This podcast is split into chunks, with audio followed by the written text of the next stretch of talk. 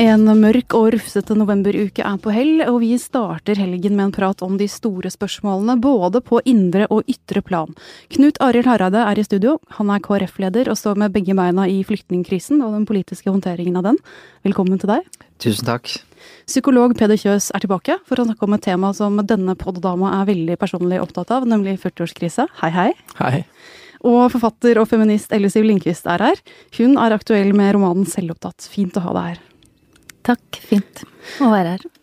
Du Knut Arild, vi tenkte vi skulle prøve å starte med noe såpass sjeldent i vårt format som en politisk lekkasje. Altså Du kommer rett fra gruppemøtet i KrF nå, hvor dere har snakket om asylpolitikk, tenker jeg? Det stemmer. Eh, vi begynner jo denne uka her da forhandlingene for å få til et bredt forlik.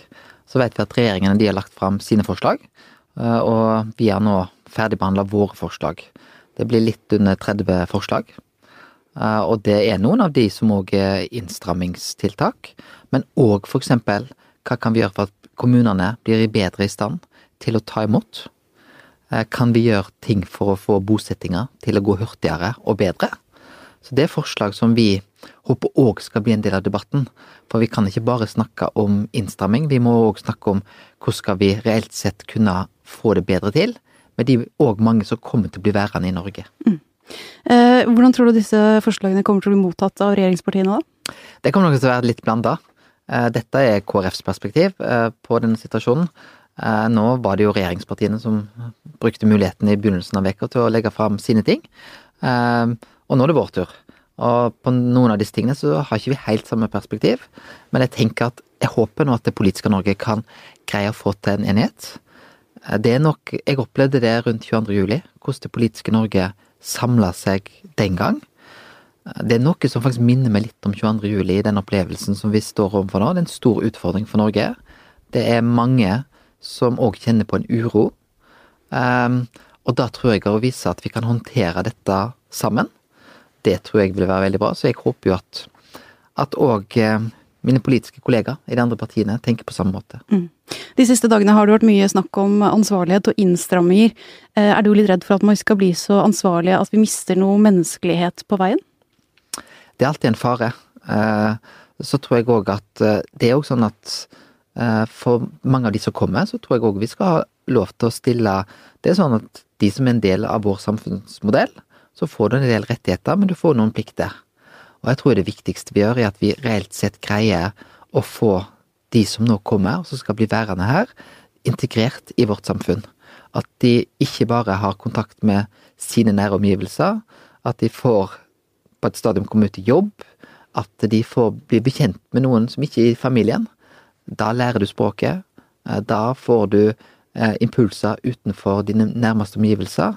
Og det tror jeg er så enkelt. Det betyr veldig mye for nordmenn flest. Og det vil det òg være for de flyktningene som nå kommer. Mm. Eh, hvis vi eh, snur tida litt tilbake til 2. Eh, september i år. Da gikk det nyhetssak verden rundt om en tre år gammel gutt som ble funnet druknet på en strand i Tyrkia. Og så fikk vi vite de neste dagene at han het Alan, og at han var fra Syria, og at familien skulle til Canada. Det satte følelser i kok, både i Norge og i resten av Europa. Og, da så vi en slags sånn oppblomstring av en dugnadsånd i Norge. Alle skulle hjelpe, alle ville melde seg til å være flyktningeguide, vi skulle være rause, vi skulle ta imot. Er det det av den følelsen du nå vil tilbake til? Det var jo utrolig sterkt å kjenne på det, eh, og jeg syns det viser noe av det flotte med Norge. At en blir engasjert, en ser den nøden som er der. Eh, så er jo det sånn at Og det jeg opplevde, var at vi må alle være med og bidra og hjelpe. Men det var ikke det samme som å si at Norge sa at Norge skal hjelpe alle. Men derimot er det veldig viktig at vi er med og bidrar. Og hvis Norge gjør en innsats, hvis de andre landene gjør en innsats, så kan vi faktisk i fellesskap være med å løse den store utfordringen som er i verden nå. Og det er jo litt sånn at akkurat nå, de siste ukene, så, så, er det jo mange som sier at nå kommer det så mange til Norge, og det er det en del som kjenner på en uro for. Men det skyldes jo den situasjonen vi har i verden. Og det er jo ikke fordi vi inngikk en avtale om Syria, flyktningene, i vår, som gjør at så mange kom til Norge nå. Eh, det er jo fordi vi har mange humanitære kriser på det øverste nivået eh, akkurat nå. Eh, Syria er det. Vi vet Irak. Sør-Sudan.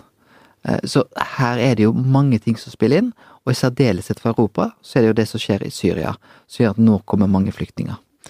Så vi er nødt til å gjøre det vi kan. Eh, og så tror jeg vi skal huske nettopp det at alle ville være med og hjelpe. Men det var jo ikke sånn at vi heller i begynnelsen av september sa at det var Norge som skulle hjelpe alle. Eh, og det er en eh, Så sånn sett så mener jeg at vi kan ha litt av det samme budskapet i begynnelsen av september som vi nå har i begynnelsen av november. Mm. Uh, ukas ord forrige uke var godhetstyranniet, uh, som Sylvi Listhaug mener rir oss som en mare. Vi har jo sett noen uh, eksempler på det motsatte av godhetstyranniet også. altså Hvis du går litt under den offentlige debatten, under de offentlige stemmene, så ser du at det bobler og koker i en helt annen, et helt annet toneleie. Det er mye fiendtlighet og hatretorikk på nett, f.eks. I kommentarer under avissaker, på Facebook-profiler. Gjør det deg litt deprimert å se den, de mørke, mørke synene på flyktninger og asylanter? Du, jeg skal være så ærlig å si at eh, jeg leser ikke alt av dette. Eh, jeg beskytter meg litt mot det, meg sjøl eh, for å prøve å unngå det. Men selvfølgelig, jeg merker jo at det er en annen stemning i norske folk nå enn det var f.eks. i begynnelsen av september. Men det er òg nesten å ta litt den uroen på alvor, og forstå den. Så er jeg òg opptatt av å si at, at det er jo ikke Vi må jo fortsatt være med og bidra inn i den nøden. Og det er ikke sånn at det er politiske vedtak i Norge, men jeg tror mange blir forvirra. For de tenker ja, vi bestemte oss for å ta imot 8000 de neste tre åra. Men de som kommer nå, og det er langt større antall nå, de er det ikke noen politikere som sitter og bestemmer hvor mange skal vi ta imot. For det er jo mennesker som kommer, noen av de fordi de trenger beskyttelse, andre fordi de ønsker å komme til en bedre verden. Det er jo helt lovlig og reelt sett uh, helt en god grunn for det. Det gjorde uh, nordmenn da de dro til, uh, til, USA for litt over 100 år siden. Det var ikke fordi de trenger beskyttelsesbehov, men fordi de ønsket et bedre liv. Men asylregelverket er jo for å hjelpe de som trenger hjelp, trenger beskyttelse. Og de må vi ta godt imot. Men jeg er òg, må være så ærlig å si, at de som da kommer uten reelt beskyttelsesbehov, er jeg for å returnere. Nettopp fordi at hvis ikke vi gjør det, så tror ikke jeg vi greier å ta godt vare på de som trenger beskyttelsesbehov. Mm. Eh, natt til onsdag så eh, brøt det ut en brann i Hemsedal statlig asylmottak, eh, hvor det annet bodde syriske flyktninger. 162 eh, personer ble reddet ut, ingen ble skadet. Og på dette tidspunktet, når denne poden spilles inn, så vet man ikke så mye om den brannårsaken, men politiet sier at tankene går til asylbrannene i Sverige. Gjør det deg skremt? Ja, fordi at vi veit jo hva som har skjedd i, i Sverige. Og vi har vel kanskje gått og frykta at den type branner skulle komme til, til Norge. Samtidig så syns jeg at det norske samfunnet fortjener ros for at det ikke har skjedd her før. Eh, at eh, vi har greid å unngå det. Og jeg veit jo ikke nå hva som er grunnlaget for brannen i Hemsedal, men jeg tenker det er jo et ansvar, ikke minst tenker jeg på det som politiker, hvordan vi bidrar til da å se at dette er en situasjon som det er lov å kjenne uro for, men som vi skal håndtere på en god måte. Og at vi ikke bygger opp under den type holdninger som gjør at enkelte i Sverige eksempel har satt fyr på asylmottak. Det er jo bare det mest ødeleggende en kan få oppleve, og jeg tror jo at uh, det er jo sånn mange har kommet til vårt land tidligere. De er godt integrerte, de fungerer godt, de er med å bidra til vår velferd. Og Eh, men jeg blir jo lei meg når jeg våkner opp uh, og hører om brannen i Hemsedal, fordi jeg tenker skjer det som nå har skjedd i Sverige, og i Norge? Og det tror jeg ikke minst politikere nå må tenke at ikke vi gjør dette til en partipolitisk gjørmekamp, men at vi er med på å kunne finne løsninger sammen, og, og bygge noen holdninger sammen. Mm det er utrolig viktig enn hvem som går opp og ned på meningsmålingene det neste halve året. Du, Forrige uke eh, så publiserte vi og andre noen smakebiter fra kommentarfeltet på Per Sandberg sin Facebook-side, eh, hvor du ble kalt for både landssviker og quisling og hjernedød og pinglegutt og rasshøl og jeg vet ikke hva. Eh, hvordan og fjompenisse. Fjompenisse også? Ja, det reagerte jeg litt på. For de fleste ordene der, de føler jeg de kan ikke jeg bruke ta i min munn. Men ordet fjompenisse, det har jeg av og til brukt sjøl. Eh, litt sånn som god kristen gutt, så finner du ikke alltid de sterkeste ordene. Så fjompenisse har jeg selvfølgelig, det, det må til og med jeg få lov til å bruke. Det var så jeg er blitt litt usikker nå. Det ordet fjompenisse satt inn i den kategorien der. Det må jeg, eh, det må jeg bare få lov til å innrømme. Men altså, disse karakteristikkene som du ikke engang kan gjenta, da, og hvordan føles det å få dem eh, kastet mot deg? Hvis jeg hadde tatt det innover meg sjøl, og det gjør jeg ikke helt eh, Fordi at jeg tenker den type karakteristikker, da har du litt sånn Da har du litt tatt bort respekten for litt det du sier. Men det vil ikke si at jeg sier at jeg har gjort alt riktig. Og det vil ikke si at jeg òg ikke skal ta inn over meg noe av den bekymringen som jeg òg kan lese eh, nå. Men det er sånn at eh, Du leser en oppriktig bekymring i den type karakteristikker. Ja, noen av det, er, ja, noen av det må, må jeg si, for jeg tror eh, Fordi at jeg opplever nå langt mer den type karakteristikker enn jeg har gjort eh, tidligere i mitt politiske liv. Og det tror jeg skyldes den situasjonen vi har oppi nå. Og, og det er ikke sånn at eh, en, en del av de eh, kan jeg bare se bort, men, men jeg må òg ta inn over meg at det er en, det en viss motstand mot den linja som jeg har stått for.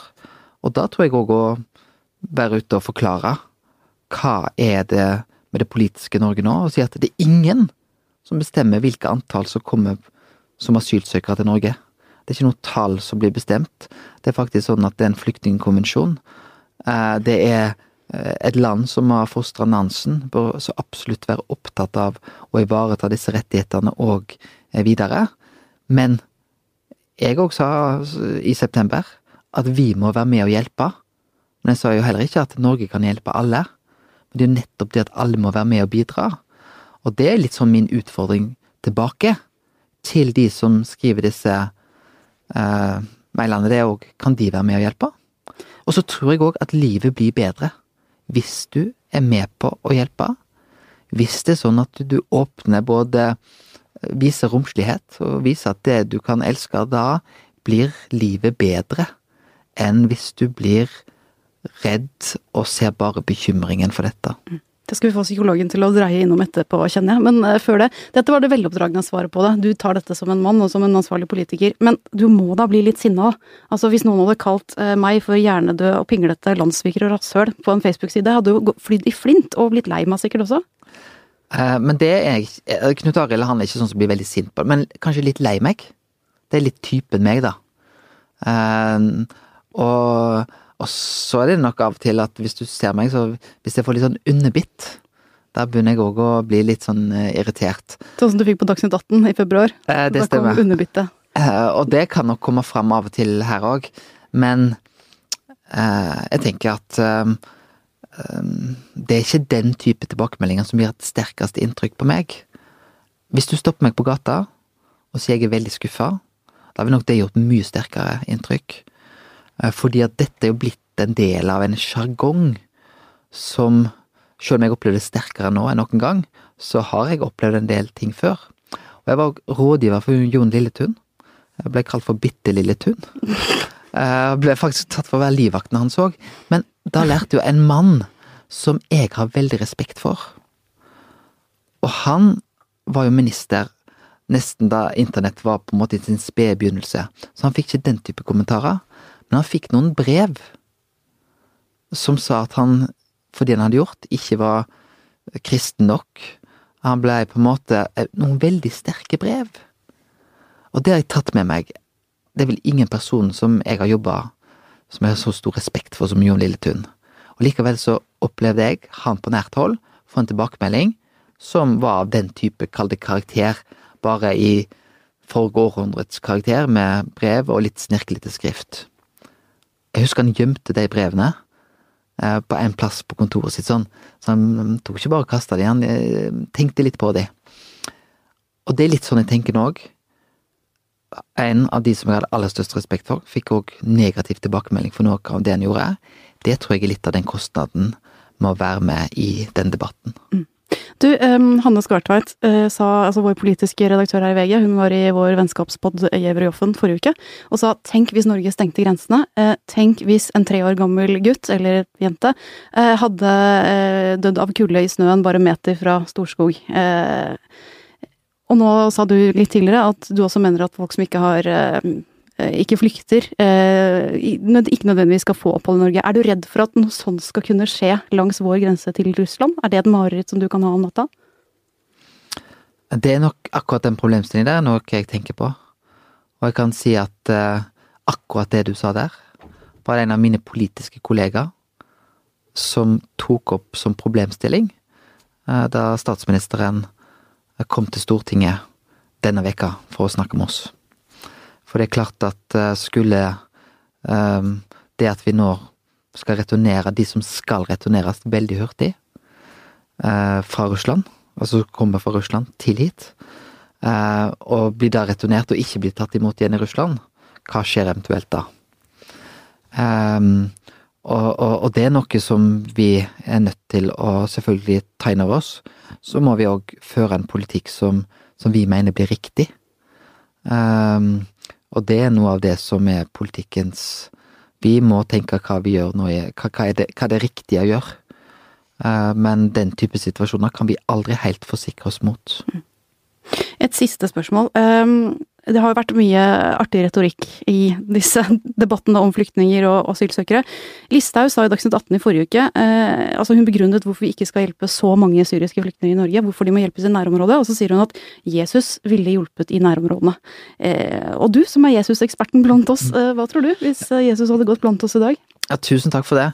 Eh, jeg lager merke til det fordi at eh, det regjeringa har gjort, er at de har kutta i bistanden.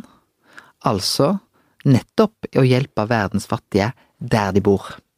Så jeg opplever at det Sylvi Lysthaug sa, er at Jesus er uenig i regjeringens politikk på å kutte i bistanden. Så jeg syns det var veldig ærlig og flott av Listhaug eh, å stå fram med det. Eh, så kan jeg si at akkurat når vi snakker om, om Syria og Midtøsten, så eh, Jesus han var jo sånn, han var jo fra nærområdene, så han ville jo iallfall vært med å hjelpe der. Jeg tror noe av det Jesus ville sagt, er at vi skal alle bidra. Uh, og det er jo litt av den utfordringen. Så ville han sagt at hvis du er med å bidra, hvis du er med på å gi noe av ditt for at andre skal få det bedre, så får du det bedre. Og det tror jeg er noe av det vi må altså, I den situasjonen som vi er nå, som vi ser, det kommer mange, det er mange vi skal hjelpe, så må ikke vi begynne å være så veldig redd for at meg og mitt men faktisk tenke at det å dele, det å gi, det er noe som gir eh, en utrolig verdi, Det er utrolig verdifullt i livet. Og hvis vi kun tenker på at vi skal samle mer til oss sjøl, så kan vi paradoksalt nok bli litt fattige. Og det tenker jeg, i verdens rikeste land, så tenker jeg at eh, Og det tenker jeg som politiker, at noe av det som utfordrer meg, er at vi ikke må få et samfunn der vi får nok med oss sjøl. Men det gjelder jo òg meg sjøl. Vi skal over til et typisk nok med, med seg sjøl-tema, faktisk. Eh, Peder Kjøs. Eh, Thomas Seltzer han er portrettet i VG helg, nå til helgen.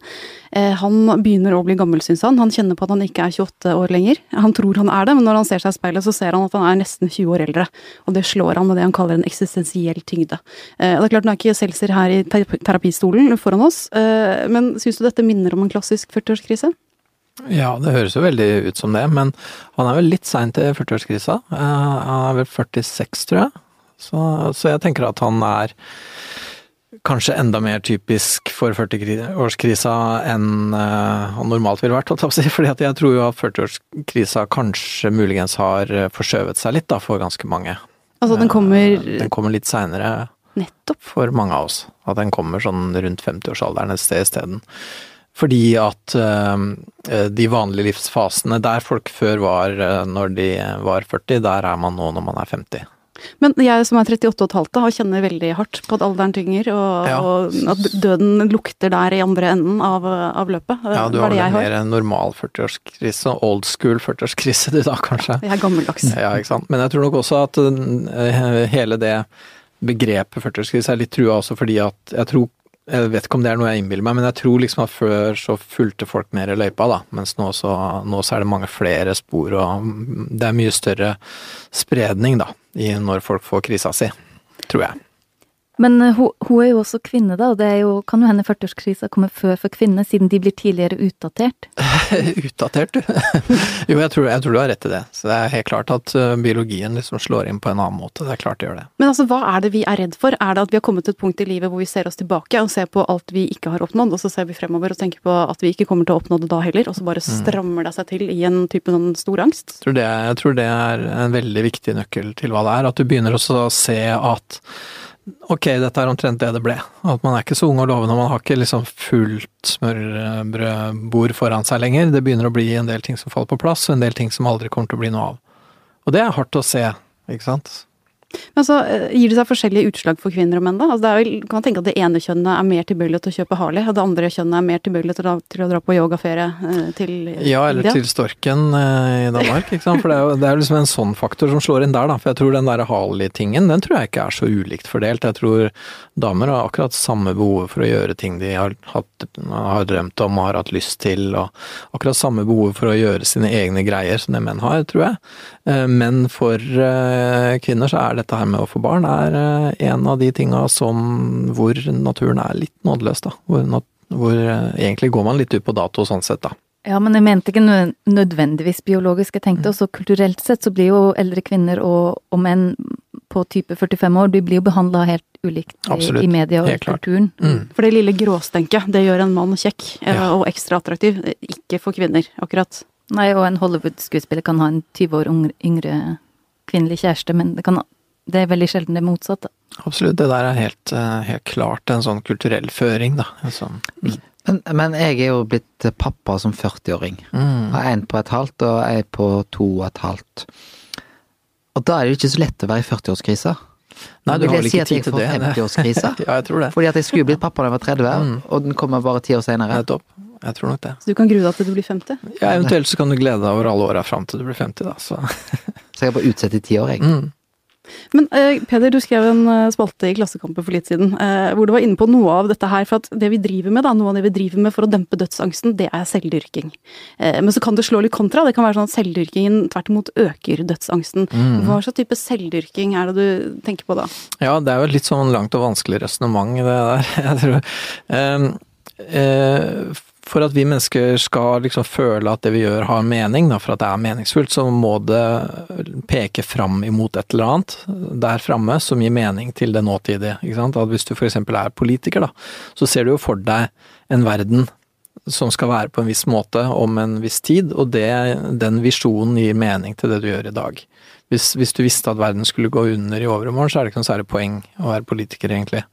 Um, og så tror jeg at for mange av oss så er det litt, type, litt sånn typisk for vår tid, er at det er vanskeligere, det er mange som ikke engasjerer seg i prosjekter utafor seg sjøl som gir mening. For hvis du engasjerer deg i politikk, eller, eller hvis du planter en skog, eller hvis du gjør et eller annet sånn skikkelig langsiktig, så gir det mening. Eh, og du kan dø fra prosjektet ditt, og det er greit, ikke sant. Fordi at eh, selv om du dør, da, så går jo prosjektet videre, ikke sant. Fordi prosjektet er større enn deg og varer lenger enn deg. Eh, samme med å få barn, eksempel. Men hvis du ikke har et mål utafor deg sjøl, hvis målet er deg sjøl, hvis målet er å bli best i et eller annet, eller utkonkurrere en eller annen, eller å samle mest mulig av ditt eller datt eh, Hvis, hvis liksom eh, hele meninga er i deg sjøl, da, så blir det sånn når du dør, så utslettes samtidig all mening. Så har du liksom veldig lite der framme. Alt der framme utslettes i det øyeblikket du dør, da. Og da gir det jo mening å være redd for å dø, egentlig. Ja, for det er jo veldig mye av den type selvutvikling vi driver med som er veldig nær til oss selv. Det er Altså, bare for en sjøl, og dermed så forsvinner det når du forsvinner. Så egentlig så er det bedre, som Knut Arild snakket om i sted, eh, du opplever kanskje mer mening slash lykke slash redusert dødsangst hvis du melder deg som flyktningeguide, da. Ja, ja. Enn hvis du tar mindfulness-kurs og Absolutt. lærer å bli deg selv hvert sekund av dagen. Absolutt, og, og, og det er ikke bare en mening, det er også forskning som sier mye om det, da. Og det viser jo den debatten som vi òg har nå. Fordi at eh, vi ser jo at de som lever nært på innvandrere og flyktninger som har kommet hit, de er mye mer positive Mm. enn de som lever lenger borte fra. Mm. Det er ofte de som ikke har kjennskap, som òg har den største frykten. Så det skal vi ta på alvor. Men de som lever nært på, de syns jo dette er flott, for de Ja. ser hva ressurs det er. Ja, ja, og så, og så tenker jeg også litt sånn som en, en litt sånn ting til det du sa om at, um, at det kan jo hende at det føles meningsfullt og riktig og viktig å engasjere seg og sånn, men så tenker jeg også at noen ganger så må man stille opp og hjelpe til og sånn, selv om det ikke nødvendigvis føles godt heller, ikke sant. At det er noe med en viss form for plikt òg, da. Og at den plikten er også noe som er større enn følelsen av glede, da, på en måte. Plikt er egentlig deilig? Det er, kan være, det kan være det. Hvis det er en plikt som du virkelig identifiserer deg med, da, og du opplever at det er din egen. Og da tenker jeg at folk er jo villige til å ofre nokså mye, ikke sant. Og av sin egen lykke. Og det er ikke sikkert jeg blir lykkeligere av dette her, men det er viktig, ikke sant.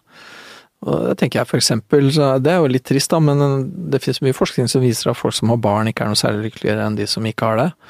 Så det er ikke for å bli lykkelig at man har barn, det er fordi det er meningsfullt, ikke sant. På, på et nivå som overskrider lykke. Mm. Mening er bedre enn lykke. Jeg vil si det. Ja. Mm. Du Elisiv, du har skrevet en bok eh, om en eh, dame eh, som heter Martina. Hun er forfatter, skriver noveller og har kjempehøye litterære ambisjoner, men er også i tvil om mange ting. Driver hun med en sånn form for selvdyrking som du kjenner igjen fra denne samtalen? Nei, jeg vil egentlig ikke si det, fordi jeg, jeg, er litt Jeg er ikke helt enig i at det å skape kunst, som det jo er hun driver på med, er det samme som bare sånn selv, litt sånn tom selvrealisering. Jeg, jeg, er ikke enig i det. Så nei. Men hva er det hun streber etter, Martina? Altså hva slags, hva slags utfordring er det hun står overfor? Ja, det er jo veldig mye. Hun, hun har jo da gitt ut en bok, så hun vil gjerne gi ut en til, så hun kan bli en ordentlig forfatter. En som forfatter som kan bli med i Forfatterforeninga og sånn. Mm. Men hun strever jo også etter å, å finne egentlig aksept eller et miljø, og også kanskje kjærlighet eller, eller relasjoner, da. Hun, hun eh, dras litt mellom sine kunstneriske og sine fysiske behov, rett og slett? Ja, det, det gjør seg noen litt sånn si. pikante utslag. Fortell. uh, ja. På en måte så, så, så ja, I et sånt kjønnsperspektiv så er vi jo som, altså som barn, når du vokser opp i vår tid, så er vi jo ofte helt likestilt. Helt til holdt på å si, sexen kommer og ødelegger alt. Det er jo på en måte det du Det skjer jo også helt fysisk, ikke sant. Det er jo veldig mange tror jeg, som opplever det som barn. Du leker med gutta og sånn, og så plutselig så kommer på en måte forråder kroppen din deg ved at du liksom får mensen og pupper og ikke ser ut som før. Og så skjer det noe annet når du Hvis du har lekt med gutta, eller også jenter, ikke sant. Og det, det er på en måte det som Altså, biologi, biologien ødelegger jo, og, og på mange måter så er det ganske lett å være sterk og, og, selvstendig og få ting til i samfunnet. Også, men så er det nesten det der eh, litt sånn uklare ønsket om, om, sex eller kjærlighet eller den type relasjon som på en måte også fråder litt at det gjør at det er vanskelig å, å være ja, en av gutta eller delta på lik linje da. Det er på en måte hele tiden Det er akkurat som kjønnet på en måte forråder henne litt, da, som forfatter, da. Eller også bare som et samfunnsmenneske som skal ta plass i verden. Mm. Men hun tar jo grep. altså Hun er jo i en situasjon hvor hun er tiltrukket av to forskjellige menn. Eh, og litt for å liksom frigjøre seg fra det hele, så løser hun det ved å liksom ta saken i egne hender, for å si det sånn. Onanere rett ut. Eh, det er en litt sånn uvanlig type romanheltinne også. Eh, vi liker damer som tar litt for seg og er såpass, eh, hva skal man si, tøffe i trynet.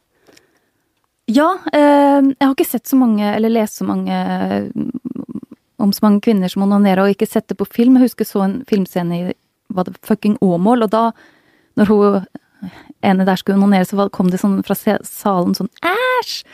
Og da, da tenker jeg at det, det, er jo Da er det jo viktig at det, at det normaliseres, da. At det, det er jo ikke noe Det er jo ikke lenger sånn at det egentlig blir sett på som noe sånn farlig eller som i gamle dager. Tvert imot så er det jo sånn at legen omtrent syns at det er sunt. Det, er jo, det blir jo liksom oppfordra til at det er en veldig Onani er bra, hurra. Men eh, så, så, så det er klart at det, at det er en slags Ja. Det er jo også en slags selvopptatt handling, da. Den romanen heter jo 'Selvopptatt'. Men, eh, men, det kan jo også løse mange problemer, da, i stedet for eh, mm. Eh, jeg så det var noen som eh, omtalte den som en litt sånn selvironisk roman. Eh, er den det? Har du tatt utgangspunkt i deg selv eller ditt eget kjønn og vært litt sånn ironisk på kvinners vegne? Ja, det, det, tror jeg det er sikkert sånn Jeg tror forlaget har skrevet det, og de liker jo å, si sånne ting. Men, men, på en måte, altså sånn Tittelen er jo litt selvironisk. Den, den, er jo litt sånn at Eller i hvert fall tvetydig, da. At, at det hva, ja, hva er det egentlig som Hvem er det som er mest selvopptatt, hva er det selvopptatte i det prosjektet? Mm. Jeg har lyst til å ta en liten snarvei tilbake til eh, en annen av forrige ukes eh, debatter. Eh, Harald Eia var jo med Finn og Klem at man er litt mer interessert i menns indre kvaler. Både fysiske og mentale behov enn kvinners. Tror du det stemmer? Ja, jeg hadde et innlegg i Klassekampen på fredag også, der jeg vel sa at jeg ikke bare trodde det stemte for han og menn, men at det også stemmer for kvinner, fordi menn har jo hele tiden Altså, vi, har, vi lever jo i et hierarki som, der menn fortsatt har høyere status enn menn, så jeg tror jo at det i, i stor grad stemmer, og hvis du ser bare på forskning om hvem som ø, kommer på, på, trykk, og hvem som er i flertall og sånn, og hvem som har, ø, har mest taletid og sånn, så er det jo alltid menn, og det er jo ø, de gangene det stort sett er likt, eller 50 så er det jo ofte fordi man har et veldig bevisst forhold til det. Så hvis man ikke har et bevisst forhold til det, så, så er det jo lett å velge menn. Enten du er kvinne eller mann sjøl. Det er jo ikke gitt at kvinner er alltid bedre på det enn menn. Da har i hvert fall du gitt ditt bidrag med en litt uh, annen type roman hele tiden. Lykke til med boka videre. Tusen takk. Hvordan skal vi oppsummere denne sendingen og denne uka? Hva har vi lært, eh, Knut Arild? Hva vil du oppfordre det norske folk til i helgen? Hva skal vi gjøre? Jeg tror de skal tenke på den situasjonen som Norge er i nå. Og tenke at uh, der vi var i september, så sa vi at vi skulle hjelpe. Det skal vi fortsatt gjøre. Men det er ikke sånn at vi kan hjelpe alle. Eh, og så at eh, det gir noe å få lov til å være med og hjelpe. Og det er jo og Jeg har lært noe i denne sendinga her. At det òg å faktisk tenke på at noe er plikt, kan være noe positivt. Eh, og jeg tenker at det å stille opp i den situasjonen som verden er i nå, og hvis ikke da vi skal kunne gjøre det, hvem kan da gjøre det? Jeg tror vi lar det være to streker under denne sendingen. Takk til dere alle. Vi høres igjen neste uke. Takk til vår produsent Magne Antonsen.